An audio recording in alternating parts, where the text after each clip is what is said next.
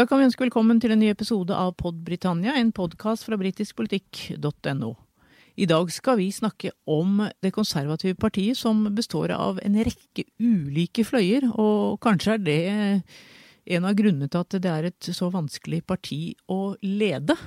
Jeg heter Trine Andersen, og med meg i dag har jeg Øyvind Brattberg og Erik Mustad. We shall never surrender. The pride in who we are is not a part of our past. It defines our present and our future. The people of Scotland have spoken. England, Scotland, Wales, Northern Ireland together, taking us forward, unleashing the potential of the whole country. Ja, Erik, Det konservative partiet har jo en tradisjon for nesten å spise sine ledere. Vi, vi, ser nå at dette kanskje også kan skje med Boris Johnson. Hvorfor er det sånn?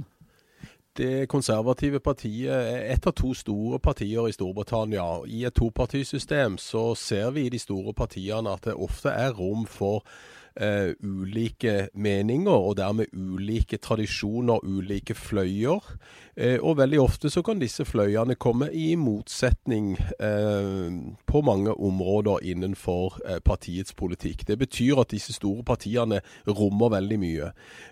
Og, og, det er vi ikke vant til kanskje i Norge på samme måte. Vi har det samme i USA, som da har disse tradisjonene som er litt annerledes enn våre, og, og at det dermed har mange meningsfeller eh, i, under samme partiparaply, da, hvis vi skal kunne kalle det det.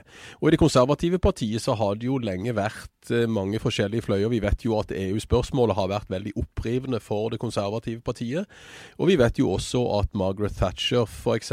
kjørte partiet i en helt ny retning da hun eh, ble partileder i 1975 og statsminister i 1979.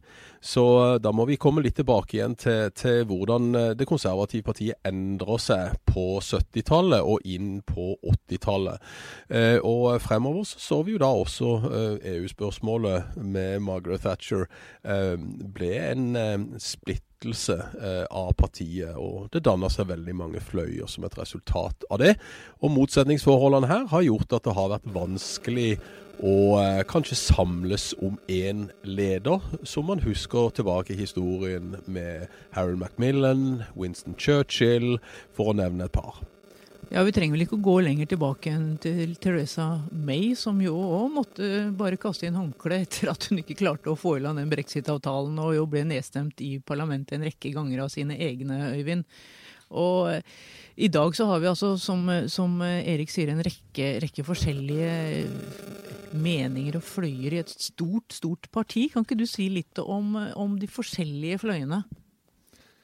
Brexit-spørsmålet i seg selv skapte jo uh, ulike fraksjoner i det, i det, konservative partiet. Man hadde jo de som sto på, på uh, Remain-siden og ønsket uh, fortsatt EU-medlemskap, og som etter hvert måtte, måtte gi tapt.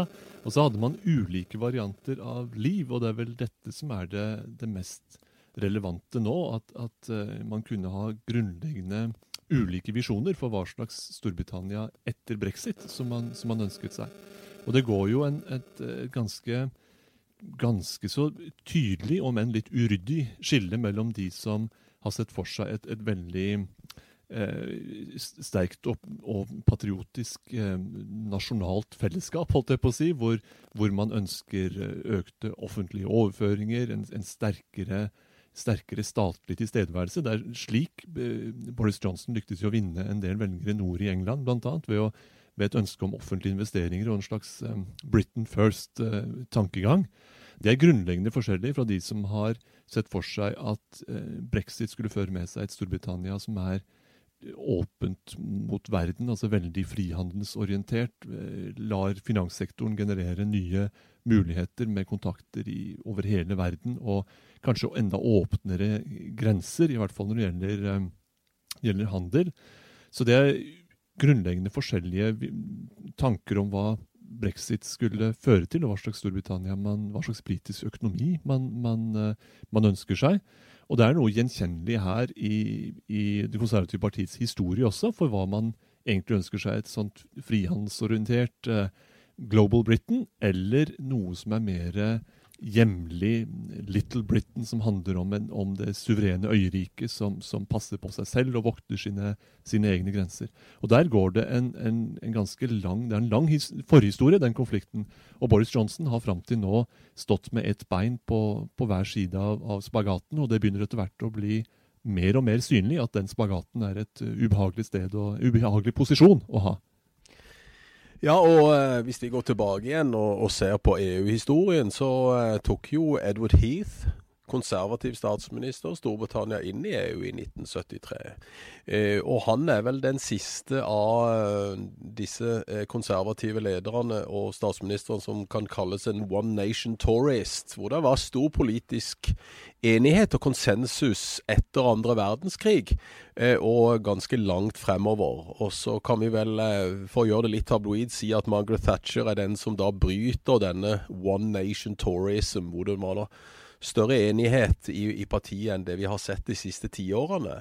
Eh, og hun er jo selvfølgelig påvirka av Ronald Reagan i USA og det vi kaller the new right, eh, monetarisme. Eh, tilbake til Adam Smith og la markedet styre, eh, og at man beveger seg i en annen retning med mindre statlig innflytelse og mindre big government som, som eh, vi ser på 80-tallet både i USA og, og, i Storbritannia. Så hun bryter jo denne one nation toryism og tar det konservative partiet i en annen retning. Og hun var jo veldig eh, tilhenger av EU til å begynne med, men eh, vi så jo veldig fort hvordan det gikk på 80-tallet, og måtte da forlate Downing Street i 1990 pga. EU-spørsmålet, bl.a. Ja, og presset ut av sine egne. Og presset ut av sine egne, nærmest fordi at det, det var for mange motstandere av henne i partiet. Ja, og Hvis vi tar en liten sånn kronologi her, Øyvind, så etter Thatcher så kommer altså John Major. Og Kan du si litt om hans skjebne? Under John Major så var det jo eh, Det var veldig Eh, veldig konflikter omkring EU-spørsmålet da også, eh, knyttet til eh, Maastricht-avtalen fra, fra, begynnelsen av 1990-tallet. og Med et meget knapt parlamentsflertall og med en stor understrøm i partiet som ønsket EU dit, dit pepperen gror, så var vel det hans aller fremste, fremste problem, kan man si, internt i partiet. Men Major slet også med noe som, som også periodevis har dukket opp i det konservative partiet, som handler om om eh, behovet for å, å, stadfeste offentlig moral, på en måte, være en slags sånn moralpolitisk eh, vokter. Der var det en, en veldig spenning eh, under Margaret Thatcher mellom det å slippe økonomien fri, og samtidig være nettopp en litt sånn moralens vokter, litt sosialkonservativ, ønske om å fremelske familieverdier og, og god moral osv. Og det ble etter hvert et, et, problem for John Major, som også ønsket å, å være litt sånn moralsk høyverdig, samtidig som prosjektet nettopp moralsk raknet fullstendig i sømmene omkring ham, med, med gjentatte eksempler på utroskap og, og elendighet og umoral og, og, tilfeller av korrupsjon i, i, partiet som brøt med det bildet.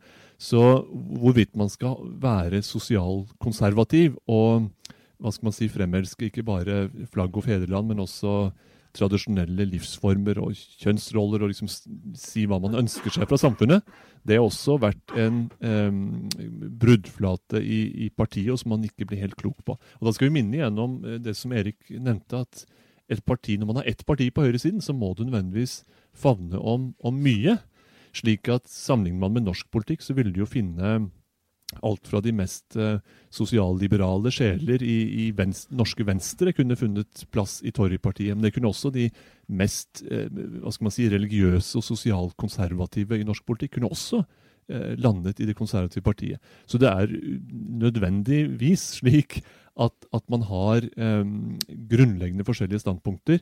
Men så blir det jo fort trøblete da, når det kommer helt konkrete debatter som splitter disse gruppene, eh, og ikke minst splitter dem i deres syn på hvem som er egnet som leder, eh, og, og kan samle flokken, så å si.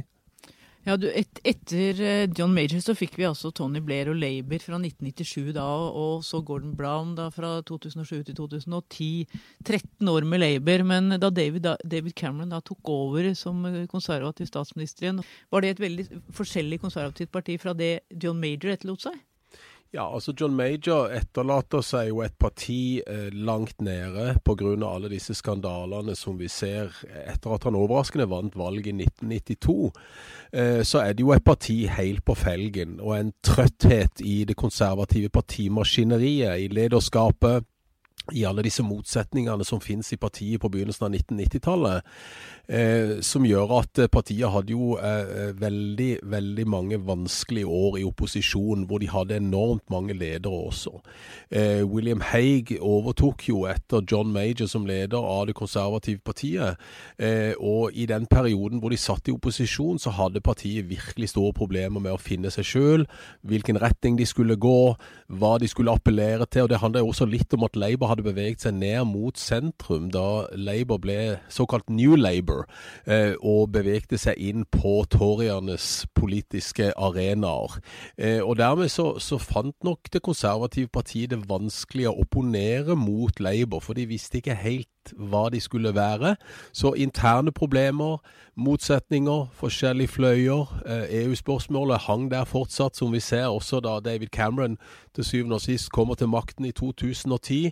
Men da var det jo også et forsøk fra de konservative med David Cameron, da, hvis vi kanskje sammenligner mest med Thatcher siden Major blir en slags oppsummering av Thatcher-perioden i de syv årene han er statsminister. Så, så, hvis vi sammenligner Cameron med Margaret Thatcher, så har vi jo beveget oss langt mer i en sosialliberal retning ned mot uh, det politiske sentrum på høyresida.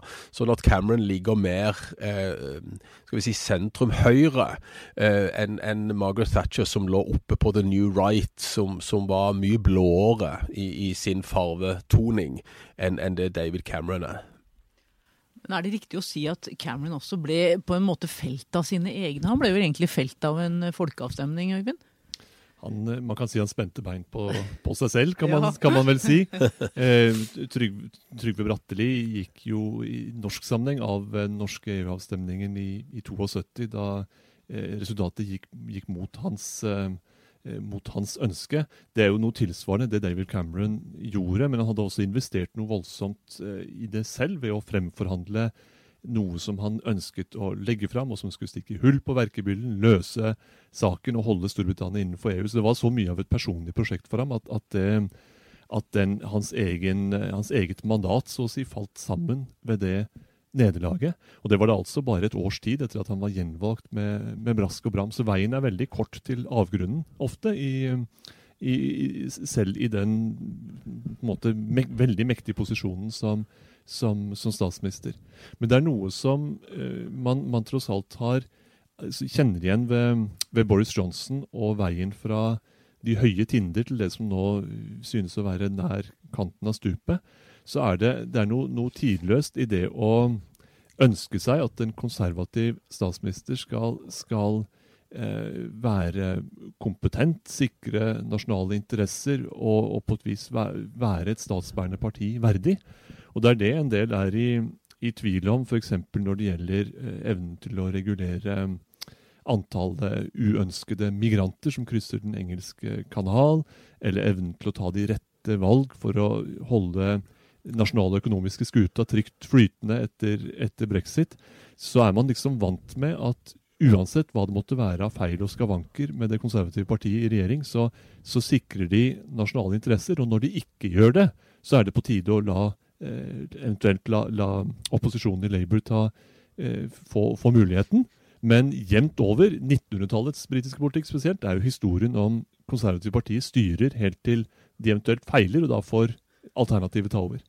Ja, det er veldig sant, eh, akkurat det du sier der, Øyvind. Fordi at de har jo alltid kalt seg sjøl The Natural Party of Government, og det har vi vært inne på før i noen av disse eh, podkastene våre. Og de ser på seg sjøl som at de styrer helt til de ikke klarer å styre lenger. Og så er det litt sånn at de slår ut med armene og sier OK, vi får slippe Labour til i noen år før vi overtar igjen. Og sånn har jo 1900-tallet vært i veldig stor grad. Eh, nå er det en litt annen situasjon eh, i, i, på 2000-tallet, selv om de har styrt lenge allerede nå, eh, så ser vi at de klarer å fortsette å styre da, selv om det kommer og går ledere. Og Nå har det vært en del ledere eh, etter David Cameron ble leder i 2005. Eh, så har vi hatt Teresa May og vi har Boris Johnson nå. Og de stiller jo veldig store krav da til lederne sine. Og hvis ikke de leverer, så er det ikke mange sjansene de får i valg eh, før de blir kasta. Og noen ledere på, på 90-tallet fikk jo ikke noen valg i det hele tatt før de nesten måtte gå av. Så det har vært en tradisjon at, eh, som du var inne på, at de spiser sine ledere. Men det betyr jo at det, når de er så vant til å styre som de har gjort gjennom mesteparten av 1900-tallet, ja, så settes det også store krav til, til lederne. Men så har lederne da disse store utfordringene som vi nå ser i Boris Johnson, som egentlig er et godt bilde på hele situasjonen. Han står i spagat over så mye og prøver å favne alle disse forskjellige meningene og holdningene og ytringene i partiet at det blir for mye å gape over for én en enkelt leder. Og med en gang vi ser det, ja, så begynner man å spørre hvem kan ta over. Og det har vært historien som det konservative partiet har vært igjennom tiår etter tiår og så er det et konservativt parti. Det går et par skritt tilbake før det går et par skritt frem. Kanskje et nøkternt skritt frem, til og med. Så eh, det, det setter store krav til en konservativ leder, og vi vet jo med den geografiske støtten de har, at de er nødt til å vinne enkelte områder. F.eks. i nord, som de gjorde i 2019, det vi kalte den røde veggen. Eh, men hvis de skal tape den blå veggen, som vi f.eks. så i suppleringsvalget før jul. Men dette med at eh, Boris Johnson er eh, litt vanskelig å få tak på. At han ikke er helt klar eh, på, på hva han mener om viktige politiske saker. Vi vet jo ikke helt hvilket fløy han tilhører. Han står litt med beina litt både her og, her og der, som dere har sagt. Eh, kan det være en fordel for ham? For vi vet jo, vi vet jo da at han eh, var for brexit, eh, selvfølgelig. Men, men hva står Boris Johnson egentlig for ellers?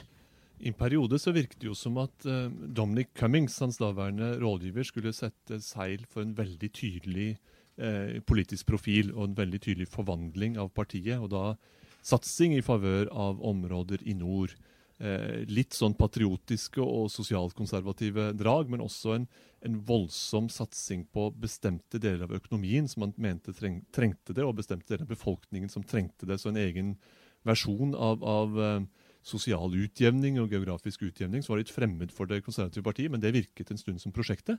Så falt Cummings i unåde, og siden så har Boris Johnson vært litt i, i han, han, driver litt for, for revne seil, kan man si, rundt på på havet. Den grønne eh, klimaendringsagendaen har, har, vært noe framme. Ellers har det vært litt å, å rekke ut hånden litt skiftesvis til forskjellige, forskjellige, kanter, og litt uklart hvor han egentlig vil. Og da blir det ekstra tydelig at noen av de få faste kriteriene for å evaluere eh, konservativt lederskap, der feiler han. Eh, sikre nasjonale grenser sliter man med disse migrantene. Og det å bevare enkeltmenneskers rettigheter i møte med staten. Der sliter han også fordi smittevernet har lagt så strenge restriksjoner på hva man får lov til. Og Det var jo også grunnlaget da, da man fikk disse, denne, store, denne store protesten i egen parlamentsgruppe, hvor mange ikke ville gå med på vaksinepass. Det var oppunder 100 parlamentarikere som stemte ned regjeringens forslag. Og det handlet om et helt tradisjonelt konservativt kriterium om at man skal la enkeltmenneskers eh, privat, eh, privatsfære i fred, og ikke komme trekkende med forskjellige offentlige eller statlige kontroller av folks eh, liv og virksomhet. Og Det er også en, en, blitt et problem for, for Boris Johnson at, at pandemien den, og den, den, den statlige responsen på pandemien strekker sine armer langt inn i folks liv. Og det går på tvers av instinktene hos en del av hans eh, partifeller. Og Det er vel den utfordringen han står overfor nå i 2022 at uh, han må stake ut en klarere politisk kurs, og ikke bare reagere på hendelser, men styre hendelsene i sterkere grad, for å vise konservative velgere at han har en klar konservativ ideologisk profil på politikken sin. Uh, og Cumming, som du nevner, var nok den spinndoktoren, for å bruke et 90-tallsbegrep, som skulle hjelpe han i uh, praktisk politikk. For vi må vel si at Boris Johnson er jo ikke noe praktisk politiker. Han er ikke veldig opptatt av policies, altså av den dagligdagse politikken. Eh, og det har han jo fort delegert til andre, men han må nok nå enten ved hjelp av sine politiske rådgivere eller av partiet, eh, ved hjelp av partiet forsøke å stake ut en kurs frem mot neste valg, som nå skal være iallfall senest i mai 2024, kanskje før. Eh, noe som konservative velgere kan kjenne seg igjen i, hvis han skal kunne klare å gjøre det like godt ved neste valg som man gjorde for to år siden. Men med, med, tanke på alt dere har fortalt her nå, så, så sitter jeg her og lurer på er det egentlig mulig å, å, lede et parti som det konservative partiet? Det er tydeligvis et sjansespill, Øyvind? Det er et sjansespill, og veldig avhengig av hva slags utfordringer man møter underveis. Når man kan samles om en, en, en agenda, og, og, spesielt hvis det er en stor sak som ulike fløyer kan enes om, så kan man sette fart med, med vind i seilene og holde seg til det. Brexit var en stund en slik sak for, for Boris Johnson. Eh, Margaret Thatcher hadde en, en, en, veldig stø hånd om sin økonomiske agenda, som varte i mange år i 1980-tallet. Men hvis du først klundrer seg til. Det dukker opp ulike stridsspørsmål som trekker fløyer i ulike retninger, og dels setter de mot hverandre i noen avgjørende spørsmål. Så blir det fort vanskelig å holde flokken samlet. Men viktigst av alt er når man kan vise til en stor eh, popularitet utad for statsministeren. Så lenge man kan det, så er mye mulig. Men Boris Johnson sliter per dags dato nettopp med det, og da kommer disse konfliktene også tydelig til uttrykk. We shall never surrender. The pride in who we are is not a part of our past. It defines our present and our future. The people of Scotland have spoken. England, Scotland, Wales, Northern Ireland, together, taking us forward, unleashing the potential of the whole country. Order!